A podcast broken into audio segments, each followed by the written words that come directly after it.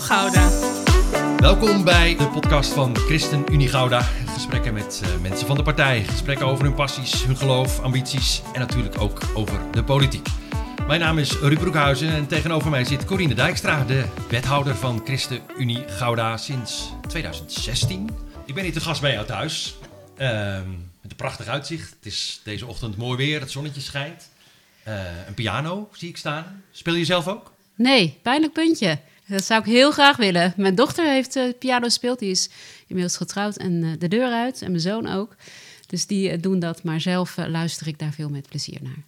En je man is natuurlijk muzikaal. Klopt, ja. Daar wil ik het straks nog even over hebben. Want hij heeft iets heel moois gedaan voor Gouden 750.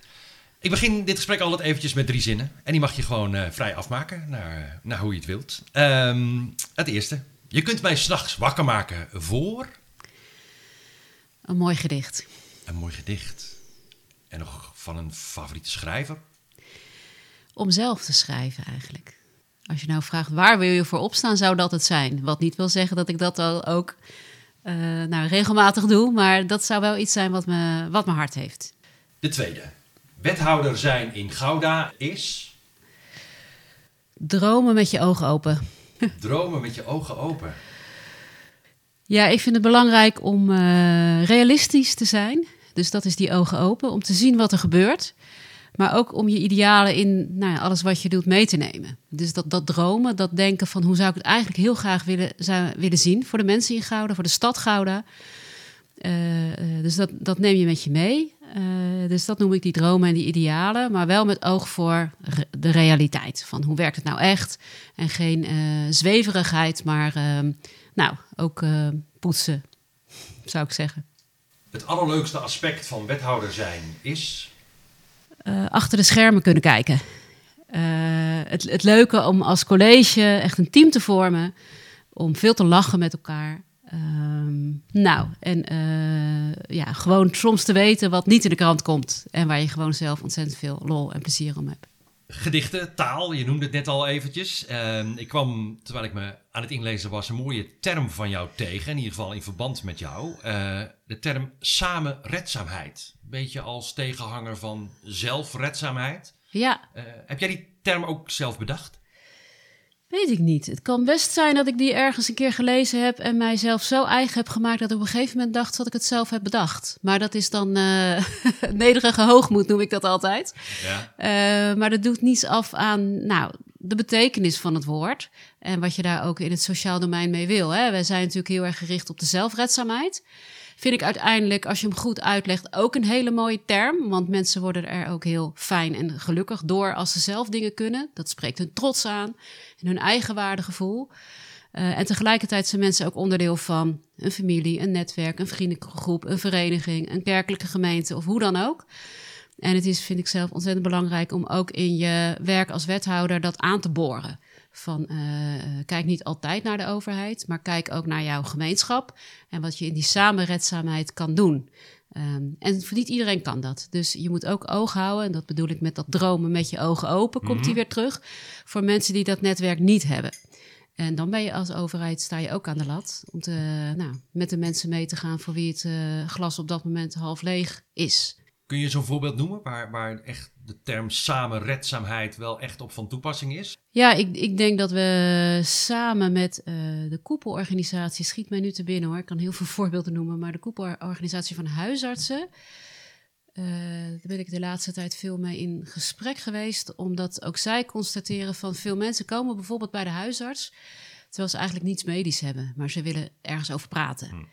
En als je dat als gemeente en als huisarts constateert, dan is het heel belangrijk om elkaar op te zoeken. En om ook bij die huisartsen kenbaar te maken. Wat is er nou voor alternatief? Wat kan je nou bieden aan mensen die daar komen met eigenlijk een heel ander vraagstuk dan iets medisch?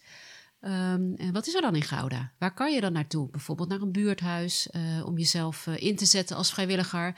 Of uh, om daar maaltijden te genieten, daar waar je soms alleen voelt of bent ook. Uh, dus nou ja, dat opzoeken van elkaar, dat stimuleer je op die manier met andere organisaties en uh, nou, met mensen in de stad. Zijn we als, als overheid ook misschien te zorgzaam geweest voor onze burgers dat we nu weer zo'n inhaalslag moeten maken om, om sommige dingen weer gewoon als groep, als gemeenschap, als straat, als kerk, om dat weer met z'n allen te doen? Ja, ik weet niet of het zorgzaamheid is. Ik, het, het zijn, heeft een aantal aanvliegroutes, denk ik. Ik denk de, nou, toch ook wel de doorgeschoten marktwerking, waardoor je mensen ook als, als klant gaat zien. Hè? Ik heb altijd in de gemeente Gouda gezegd: mensen zijn inwoners, zijn burgers, maar zijn geen klant. Uh, want klant ben je van, uh, van een bedrijf. Dus, uh, want als je mensen als klant benoemt, dan gaan ze zich ook als klant gedragen. dus dat is een van de oorzaken, denk ik. En daarnaast, ja, er zijn natuurlijk tijden geweest waarin wij aanleungedrag faciliteerden. Waarin wij heel erg de nadruk legden van uh, red u het niet, kom naar de overheid. Uh, dus die twee kanten zitten er wel degelijk aan. En uh, ja, je ziet ook wel het aftanende verenigingsleven dan toch ook wel... dat mensen meer op zichzelf zijn teruggewezen, uh, aangewezen. En die zelfredzaamheid en die samenredzaamheid er niet altijd is. Dus het, het heeft denk ik allerlei kanten nu... maar de tijdgeest zie ik wel veranderen in positieve zin om uh, nou, dat samenredzaamheid meer te stimuleren en mensen ook bewust van te maken. Ik sta zelf ook uit de, aan de lat. En ik moet zelf ook mijn verantwoordelijkheid nemen voor mezelf, maar ook voor elkaar. Jouw wethouderschap en je, de portefeuilles die je hebt, uh, ja, het sociaal domein, zo kan ik het wel samenvatten, toch? Is dat een eer of ook een zorg? Ja, allebei. Uh, ik vind het een hele eer, dat als eerste. ik, vind, ja, ik vind het echt wel een hele eer en ook een hele verantwoordelijkheid. Uh, je beseft ook heel erg dat je het niet alleen doet. Je hebt natuurlijk allerlei organisaties in de stad nodig. En de schaal van Gouda is gelukkig ook zo dat allerlei organisaties elkaar te weten te vinden. Vrijwilligersorganisaties, die hebben niet zoiets van: dit is ons dingetje, blijf daar vanaf. Nee, wij richten ons bijvoorbeeld op de schuldhulpverlening. Maar als u iets anders wil doen, of in de sport of cultuur iets wil doen, dan, hè, dan weten ze naar elkaar te verwijzen. Dus dat is iets moois in het sociale erfgoed van Gouda. Vind ik echt uh, iets om door te geven.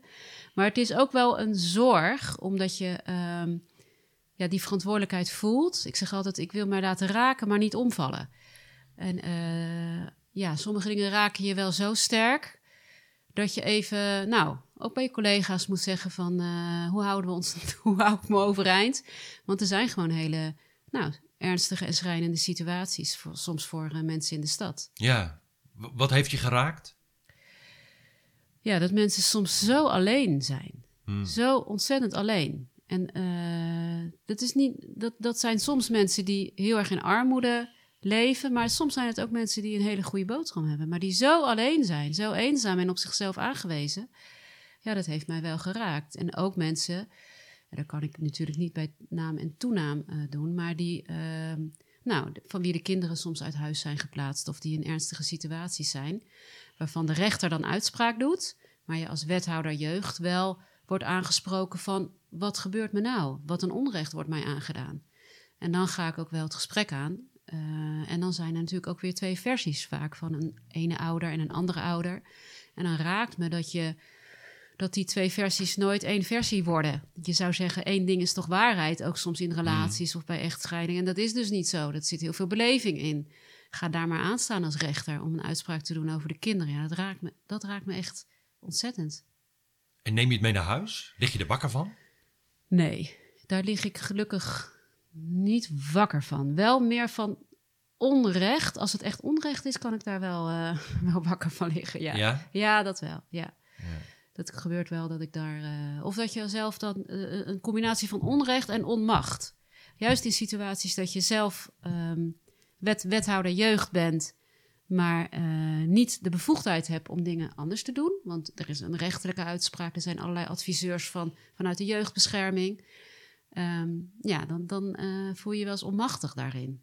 Een van de voorbeelden die binnen dat sociale domein die zijn aangepakt de afgelopen jaren, is dat er sinds, eigenlijk sinds vorig jaar is een, een betere hulp aan de dak- en thuislozen. Ja.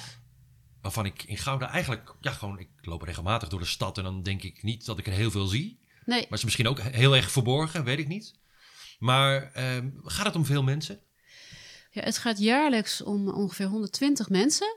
Die ja, worden opgevangen in de dak- en thuislozen, maar op één moment, zeg maar. En, nu, want dat stroomt natuurlijk ook door, zijn het er 38 met een uitloop tot 45. We hebben, nu, we hebben het ook opgehoogd afgelopen jaar. En we hebben ook een duidelijk onderscheid gemaakt tussen jongeren tot 23 jaar en ouderen. Omdat we ze ook echt apart daar uh, willen huisvesten. Want soms de problematiek van het ene wordt weer overgedragen op de andere groep. Dus we hebben gekozen voor gescheiden jongeren, daklozen en wat ouderen. Maar het zijn er uh, best een hoop. Corona heeft daar niet aan afgedaan, omdat er Mm. natuurlijk ook veel thuislozen waren die dan bij vrienden op de bank uh, sliepen. En uh, ja, mensen denken dat als ze dak- en thuislozen tegenkomen, dat dat van afstand is te zien. Nou, ik kan u vertellen, dat is, dat is niet aan de orde. Je ziet het ook vaak helemaal niet. Hè? Mensen lopen gewoon, nou, zoals wij allemaal op straat. En ja, die schreeuwen niet van de daken dat ze s'nachts geen plekje hebben om te slapen. Wat heeft de politiek voor ze kunnen doen? Ja, ik denk dat we daar echt iets, uh, een stap naar voren hebben kunnen doen. door hen niet van het kastje naar de muur uh, te sturen. Maar ja, ik probeer altijd te zeggen, zowel het kastje als de muur te zijn. door één uh, toegang te creëren, één meldpunt waarin nou, mensen niet alleen een nachtopvang krijgen, dus s'nachts onderdak, en s ochtends weer de straat op worden gestuurd, maar 24 uur op, opvang. Want als je rust krijgt, dan kan je pas aan je toekomst uh, gaan werken. En als je uh, ja, alleen een nachtopvang hebt, dan, dan ben je toch in de overlevingsstand. En dan kan je eigenlijk de rust ook niet vinden om stapjes te doen richting weer, nou, een perspectief en op jezelf wonen. Dus met die eerste toegang proberen we nou, breed te kijken wat mensen nodig hebben, wat ze graag willen ook naar het medische uh, aspect. Het kan soms zijn dat mensen veel schaamte hebben. Het kan soms zijn dat mensen een, nou, een, een verrot gebit hebben. En daardoor in de ellende komen, het niet kunnen betalen, werkeloos worden. Je, je kan zoveel verschillende verhalen hebben en elk verhaal is anders. En uh, nou, door de breedte te kijken wat er nodig is, uh, help je mensen denk ik eerder dan alleen die nachtopvang. En ik ben blij dat we dat hebben kunnen realiseren. Kun je als wethouder dan ook op een gegeven moment iets van trots voelen? Van hé, hey, dat, dit hebben we nu met z'n allen bereikt. Je doet dat soort dingen natuurlijk nooit alleen. Maar ja, ja dat is een vinkje. Yes. Ja, wel trots op tussenstappen. Uh, maar ik realiseer me nog steeds dat, ja, dat er nog heel veel te verbeteren valt. En eigenlijk, ja, het is ook altijd het, uh, het, het bezien wat er eigenlijk meer op macro, op landsniveau nodig is om te voorkomen dat mensen dakloos worden. Dat doen we natuurlijk ook wel in de gemeente, door te kijken van bij huisuitzettingen. Hè, want dat is natuurlijk een andere afdeling, ruimte en wonen. En dat komt dan in het sociaal domein terecht. Soms worden woningen gesloten vanuit ondermijning. Bijvoorbeeld een wietplantage. Hmm. Zet je dan de kinderen uh, uh, ook op straat. En vervolgens kun je ze in de dag, in de nachtopvang uh, opvangen. Of in de dakloze opvang. Dus wat we hebben proberen te doen is veel meer die aspecten bij elkaar te brengen. Uh, om te zeggen van nou, we, wat gebeurt hier nou eigenlijk? Hè? En helpen we ze niet meer door wel normatief op te treden, bijvoorbeeld bij een wietplantage, en echt een boete te verlenen, maar wel mensen soms in een huis te, te laten als daar kinderen blijven. Vak vol dilemma's eigenlijk, ja, wethouder. Mooi hè? Ja. Ja, maar zo'n situatie, nou, je denkt, ja, wietplantage, hup, straffen, nooit meer gebeuren. Ja, ja, ja. Maar ja, daar zitten dus kinderen aan ja. vast. Ja, ja, korte termijn oplossingen zijn uh, nooit, uh, nou ja, no nooit aanbevelingswaardig uh, in, dit, in dit werk. Nee. 2015 ging de jeugdzorg naar de gemeente. Jij ja. werd in 2016 wethouder, dus ja. dat kwam meteen op je bord. Ja. Is dat een hoofdpijndossier? Nou, als je het hebt over de betaalbaarheid daarvan, ja, dan, Hmm. dan, dan heeft dat echt zijn uitdagingen. overigens, jeugdhulp, dat wordt, ja, dat wordt vaak over één kam geschoren. Terwijl jeugdhulp, daar valt van alles onder. Uh, dyslexie is hulp, jeugdhulp. Uh, op de basisschool betalen wij als gemeente. Uh, je opvoedondersteuning in de sociale teams is jeugdhulp. Uh, uithuisplaatsingen is jeugdhulp. Rechtelijke uitspraak is jeugdhulp. Maar ook een klein stukje begeleiding. Dus het, dus het is zoveel omvattend. Dus je kunt heel moeilijk zeggen... Het gaat zus of zo met de jeugdhulp. Het, het heeft altijd heel veel aspecten. Jeugdhulp is heel sterk toegenomen. Voor 2015 uh, was 1 op de 16 kinderen had een bepaalde vorm van jeugdhulp. Nu is het uh, landelijk 1 op de 8 en zelfs in Gouda 1 op de 7. Dus um, het, gebruik maken van jeugdhulp is sterk gestegen. Men heeft wel het gevoel, er is ontzettend bezuinigd op de jeugdhulp sinds 2015. Dat is best een heel genuanceerd verhaal, want we ontvingen inderdaad minder van het Rijk dan dat daarin omging. Uh, dus in die zin is er bezuinigd, maar het is nooit een gelabeld budget geweest. Dus gemeenten hebben die groei uit eigen middelen opgevangen. Maar je hebt dus minder ontvangen. Ja. En het moet ook nog naar meer kinderen, begrijp ik nu. Ja, we hebben minder ontvangen. Het moet naar meer kinderen. Dus, dus plussen wij bij vanuit andere zaken. En daarin hebben wij uh, in Gouda uh, nou, vind ik, ben ik ook heel blij mee, heel solidair, solidair gehandeld in het college. Want in ons college is gezegd van ja, maar dit moet wel gebeuren. Wij moeten wel deze zorg verlenen. En wij gaan daar geen stop op zetten. Dus dat is op andere fronten bezuinigd in plaats van op de jeugdhulp. Vroeger zeiden ze wel eens, ja, als de zorg naar de gemeente gaat, dan gaat het naar de lantaarnpalen. Nou, het is eigenlijk andersom gebleken.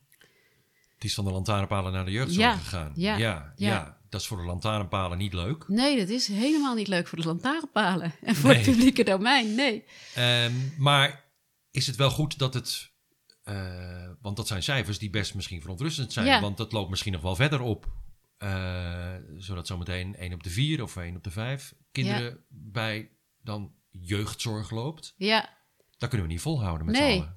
Nee, dus, dus wat je moet doen is bedenken van wat is nou eigenlijk jeugdhulp? Hè? Uh, ik, ja, er zijn een aantal factoren waarvan ik denk dat er uh, veel meer beroep wordt gedaan op de jeugdhulp. Dat is de prestatiedruk die er is op de jongeren. Dat is de, de, de prikkels die ze allemaal ontvangen. daardoor kunnen veel jongeren zich slecht concentreren. Door social media, wat ook veel voordelen heeft hoor, maar ook wel flink wat nadelen mhm. op dat vlak. Maar ook wel opvoedverlegenheid bij ouders, die, die, die, ja, die daar een verlegenheid in ervaren en nou ja, misschien wat, wat minder begrenzen ook. Dus er zijn allerlei, maar ook onveilige gezinssituaties. Hè, veel, veel conflicten, soms echtscheidingen, maar ook mensen die bij elkaar blijven en een ruzie hebben. Dus dat, dat komt op alle vlakken voor. Maar die onveiligheid in gezinnen, ja, dat zie je wel echt stijgen. En tegelijkertijd ik zeg altijd vroeger, als een kind vervelend was, dan uh, werd hij genormaliseerd en gecorrigeerd. Daar, totaal niet kijkend naar wat een kind nou eigenlijk nodig had. Hè. Daar werd gewoon, jij bent een vervelend kind. Daar was men heel erg in doorgeschoten. Maar van de weeromstuit lijken we nu wel een kind wat bepaald gedrag vertoont, altijd als een hulpvraag op te vatten. Want dan is er iets met een kind. Wat kan een gemeente doen? Wat kan de gemeentepolitiek en wethouder doen om uh, ja, hier inderdaad uh, een differentiatie in aan te brengen. Of ervoor te zorgen dat in ieder geval dat het budget wat je hebt voor die mensen bestemd is. Ja. Waar het misschien het meest nijpend is.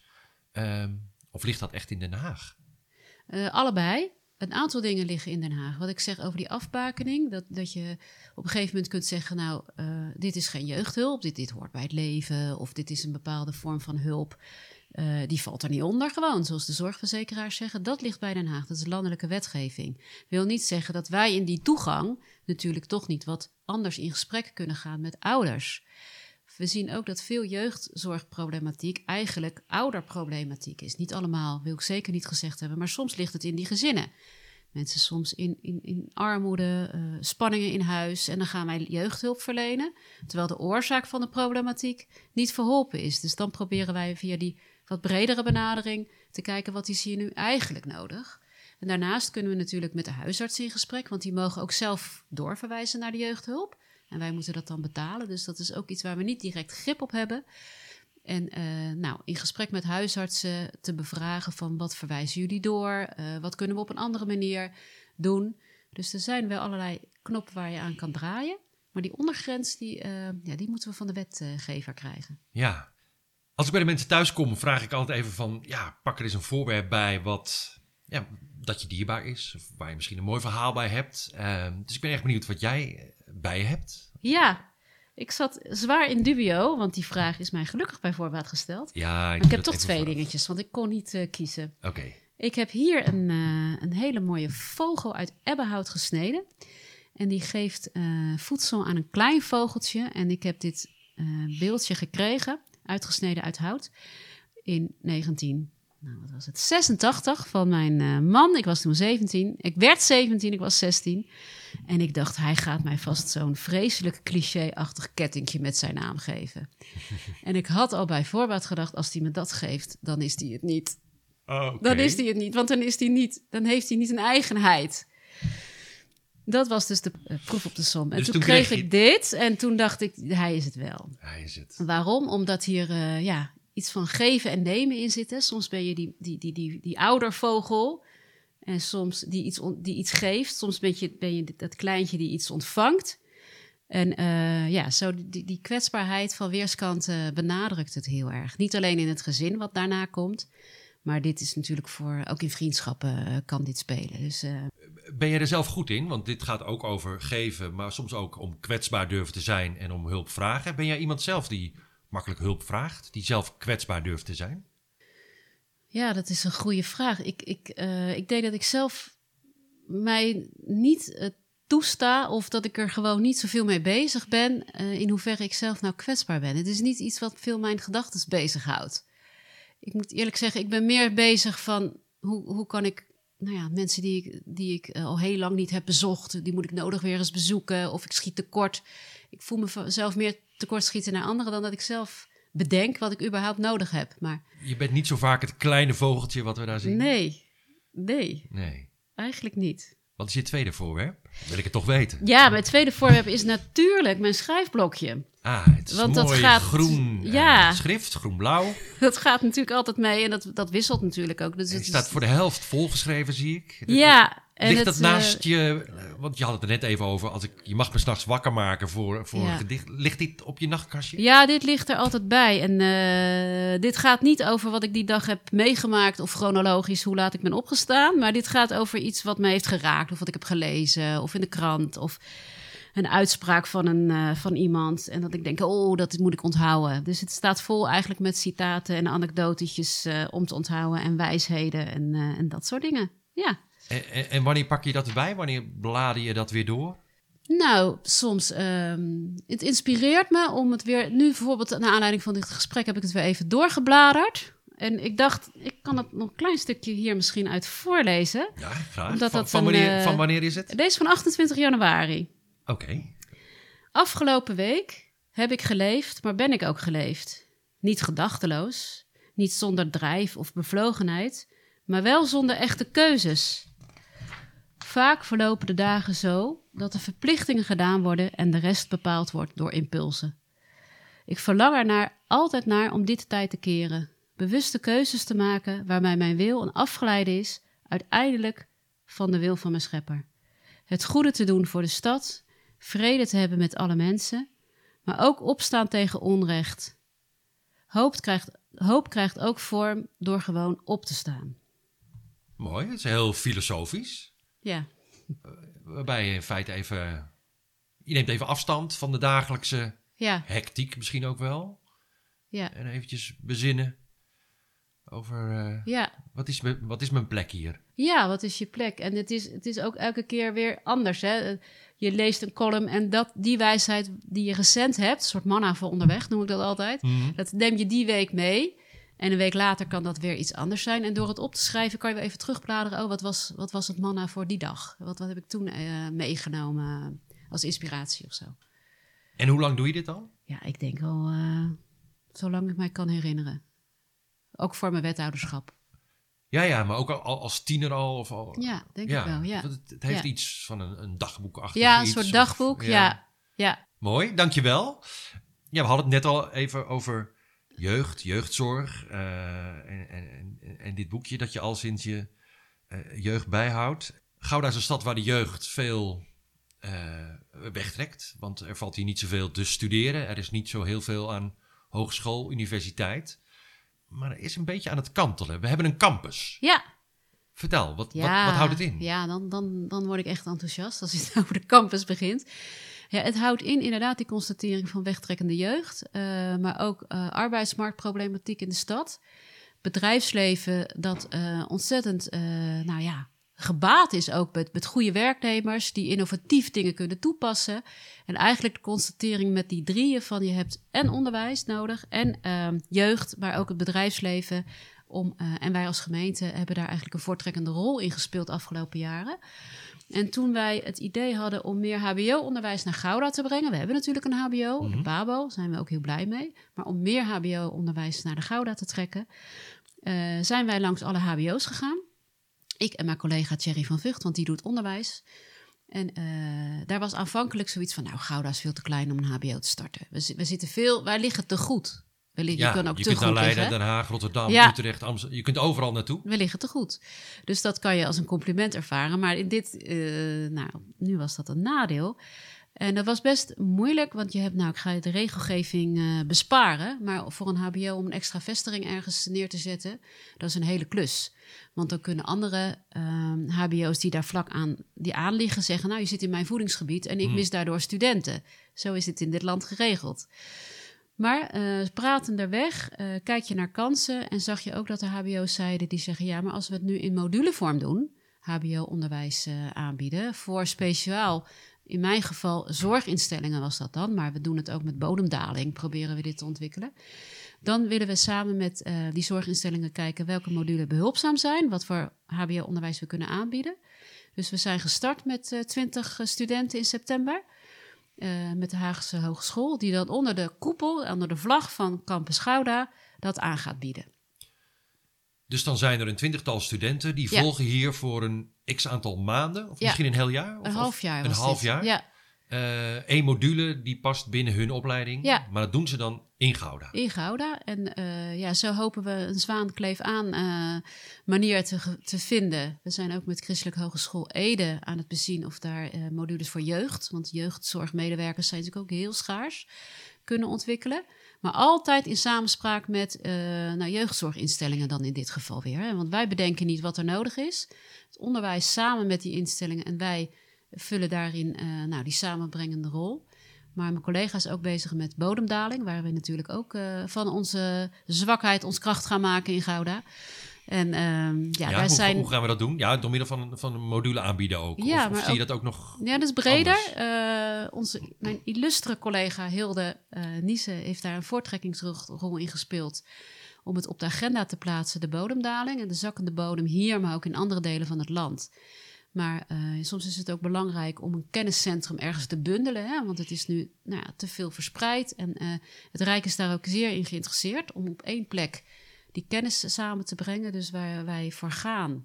En ook, eh, nou, ook nog steeds eh, ondersteuning eh, hopen te krijgen vanuit het Rijk. Is dat kenniscentrum de bodemdaling. Om dat hier neer te zetten.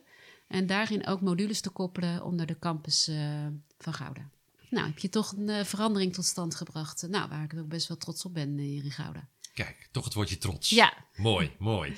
Ehm, ja, je portefeuille, da- daar valt ook onder, eh, las ik een hele mooie zin. De portefeuille inclusie, diversiteit en burgerschap. ja. Ja, wat is burgerschap eigenlijk? Ja, burgerschap is eh, dat je eh, onderdeel bent van een geheel. Dat je, dat je wordt en daar ook op wordt aangesproken. Dus je bent natuurlijk zelf iemand, je geeft je leven vorm, je bent eh, consument, je bent deel van een gezin, maar je bent ook onderdeel van een stad. Mhm. En daarin ontvang je wat en daarin mag je ook wat geven. Daarin heb je je verplichtingen en je rechten. Dus nou, dat, dat samengaan, eh, daarin word je aangesproken als burger. En inclusie, diversiteit, eh, dat zijn natuurlijk onderwerpen die misschien ook wel aanschuren tegen tolerantie, intolerantie die Ja. eh, veel eh, in deze samenleving, verruwing, taalverruwing ook. Ja, Er steeds meer politici die worden bedreigd. Ook wethouder trouwens. Heb jij daar wel eens mee te maken gehad? nee, nee, kan ik oprecht nee op zeggen. Nou, gelukkig maar. Ja, zeker.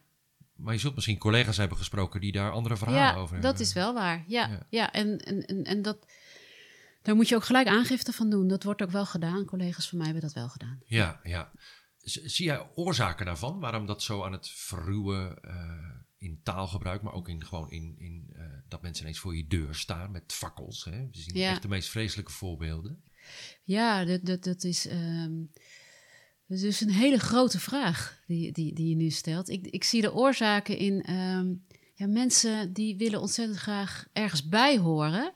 En we leven ook in een tijd waar dat niet vanzelfsprekend is. Eh, dat is een van de dingen, dat, dat ergens bij willen horen. En eh, nou, zelfs eh, waar mogelijk een, een, een verzetsgroep, zeg maar, in nieuwe bewoordingen. Dat is ook soms fijn om bij te horen. Tegelijkertijd zie je heel erg veel, nou, dat is natuurlijk bekende desinformatie, de ontvankelijkheid voor dingen die niet feitelijk zijn, maar daar wel ehm, nou ja, een, een onderscheidend gevoel mee krijgen van hé, hey, ik, ik, ik hoor hierbij en ik ben het niet eens, bijvoorbeeld met die overheid. Je ziet ook dat de overheid, het vertrouwen in de overheid natuurlijk terug is gegaan, onder andere door, nou, dat heeft ook heel veel factoren, maar Ik denk ook dat de kinderopvangtoeslagaffaire daar een hele grote rol in heeft gespeeld. Van waar geef ik mijn uh, gegevens van? In hoeverre heeft de overheid een gezicht? Of moet ik alleen maar formulieren invullen en daar komt uit een of andere box een resultaat voor mij? Dus die benaderbaarheid van de overheid speelt denk ik ook wel mee. Um, maar ook wel, uh, waar we het net eventjes over hadden, dat, dat burgers het idee hebben, ik ben hier de consument en wat ik wil is belangrijk. Dat zie je, vind ik ook wel terug in, uh, um, nou, als je dus kijkt hoeveel, hoeveel wij steken als college en als ambtenaren in draagvlak, participatie in de buurten, inspraak, wat vindt u ervan? Hoe kunnen we het u nog, nog beter voor u maken? Dat soort enquêtes, die ken je vast wel, die je altijd op de bus krijgt, in de bus. En dat geeft bij mensen ook het gevoel, oh, wat ik, wat ik vind is belangrijk. En elke mening is even belangrijk, of je daar nou wel of niet hè, eh, kennis of kunde of wat dan ook heeft. Dus er wordt ook een verwachtingspatroon geschapen waarin mensen denken, nou, als ik hier ergens iets van vind, dan krijg ik ook, uh, hè, dan word ik gehoord en dan krijg ik ook mijn zin. En dat laatste is natuurlijk altijd ingewikkeld, want er zijn 74.000 mensen. Dus er zitten heel veel oorzaken aan, uh, denk ik, voor die verruwing. En, uh, en, en, die tijdgeest van, ja, what's in it for me, dat, die speelt daar ook wel in mee. Naast dat die overheid een, een, een geslotener front uh, gevoel kan opleveren, wat ook terecht is. Intolerantie. we zijn natuurlijk de stad van, van Erasmus en van Kornhert, de vrijdenkers. de mensen die zich durfden af te zetten tegen andere gedachtegoeden of hun eigen gedachten. Ja naar voren brachten. Zijn we dat nog steeds in Gouda eigenlijk? Zijn we nog vrijdenkers? Ja, ik vind wel. Aan de ene kant wel. Want ik denk dat, dat uh, nou, datgene wat breed gedragen wordt in Gouda, politiek ook breed van links tot rechts, is bijvoorbeeld uh, het, de voortzetting van het Oude Verzetsmuseum. Uh, wat op de Turfmarkt zat, altijd gesubsidieerd door de provincie. Die is er toen de tijd mee opgehouden. En iedereen zei van ja, maar dit moet niet stoppen. Dit moet in een nieuw jasje uh, vorm krijgen aan de ene kant om te gedenken, blijvend te gedenken wat er is gebeurd, maar ook om lessen te trekken, juist op deze onderwerpen, tolerantie, vrijdenkers, waar stopt je vrijheid en waar gaat het andere tot last zijn? Uh, nou ja, wat, wat wordt van je als burger gevraagd? Dus dat lerende, dat is, wordt ontzettend belangrijk gevonden. En daarom is er ook gekozen om uh, een opvolger voor het Verzetsmuseum te lanceren. Dat is Libertum. Ja, dat gaat naar de chocoladefabriek. Dat gaat naar de chocoladefabriek. De mensen die wel eens langslopen daar, hopelijk nou ook naar binnen gaan, die zien dat er heel veel gebouwd wordt en verbouwd. En ja. op het dak zelfs, geloof ik. Ja, dat klopt. En dat, dat wordt echt wel het, uh, of dat is het al, want ze, ze, bestaan natuurlijk al, ze doen activiteiten. Maar als dat echt, zeg maar, fysiek gestalte geeft, krijgt, dan wordt dat echt wel het kloppend hart van, uh, nou, alles wat met tolerantie en vrijheid uh, te maken heeft. En je ziet ook wel veel groepjes in Gouda die die fakkel altijd brandend hebben gehouden. Stichting 21 Maart, ook de Regenboogalliantie op een hele andere manier, die, die ook die vrijheid en diversiteit uh, en die acceptatie bepleit. Dus op allerlei fronten heb je dat. En ja, waar ik zelf. Dus wat wordt dan die taak van Libertum? Wat moeten zij gaan doen? Mensen bij elkaar brengen. Dus, dus uh, een voorbeeld daarvan is uh, wat we nu in, uh, eigenlijk van onderop tot stand gekomen. We noemen dat bondgenoten. mensen vanuit allerlei plumage in de stad.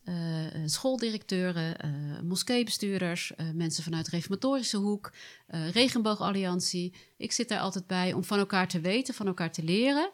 En dat ook verder te brengen in de eigen achterban. We maken vaak karikaturen van elkaar. Hè? En als we elkaar spreken en ontmoeten, dan kunnen we dat meenemen meer naar onze achterban van weet wel dat dat en dat speelt in die groepering. Dus laat mensen hun identiteit, want dat geeft ze ook heel veel eigenwaarde. Laat die groepen ook wel bestaan. Maar wissel dat uit. En een van de taken van Libertum is dat eh, vorm en inhoud en, en, podium te geven. En ook richting het onderwijs, uh, burgerschapslessen te geven. Uh, en ook het onderwijs daar uit te nodigen in uh, de chocoladefabriek, maar ook uh, andere exposities voor volwassenen. Want die zijn natuurlijk nooit uitgeleerd als het hier om gaat, mm -hmm. zeker niet. Ehm, dus daar een wisselende exposities voor te creëren. En dat moet geloof ik vanaf medio dit jaar, dan, ja. dan is het ook fysiek kun je daar ja. terecht. Hè? Ja. ja. Dus die opening van dat instituut past ook mooi in dit feestjaar, ja. Gouden 750. Ja. Waar een lied aangekoppeld is, Gouden 57, dat, dat is hier in dit huis ontstaan. Klopt. Hier, ja, want jouw man, vertel even. Ja, ja mijn man uh, Peter Dijkstra, voor degenen die hem niet kennen, die, uh, die zingt graag. En die uh, werd toen gevraagd om een feestlied te schrijven.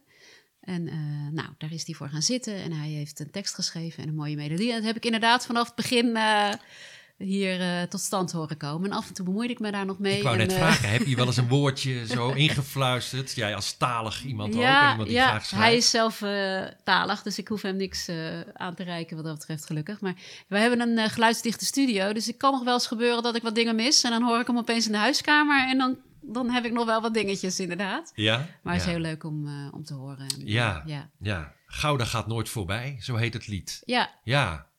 Het wethouderschap gaat natuurlijk ook ooit voorbij. ja. Maar is dat moment al uh, aanstaande? Nee, dat is pas op 16 uh, maart zijn de verkiezingen. Ja. En daarna duurt het natuurlijk nog een hele poos uh, voordat er een uh, college is gevormd. Niet zo lang als dat het Rijk daarover doet, hoop ik. Maar dat mag toch ik nog enige tijd.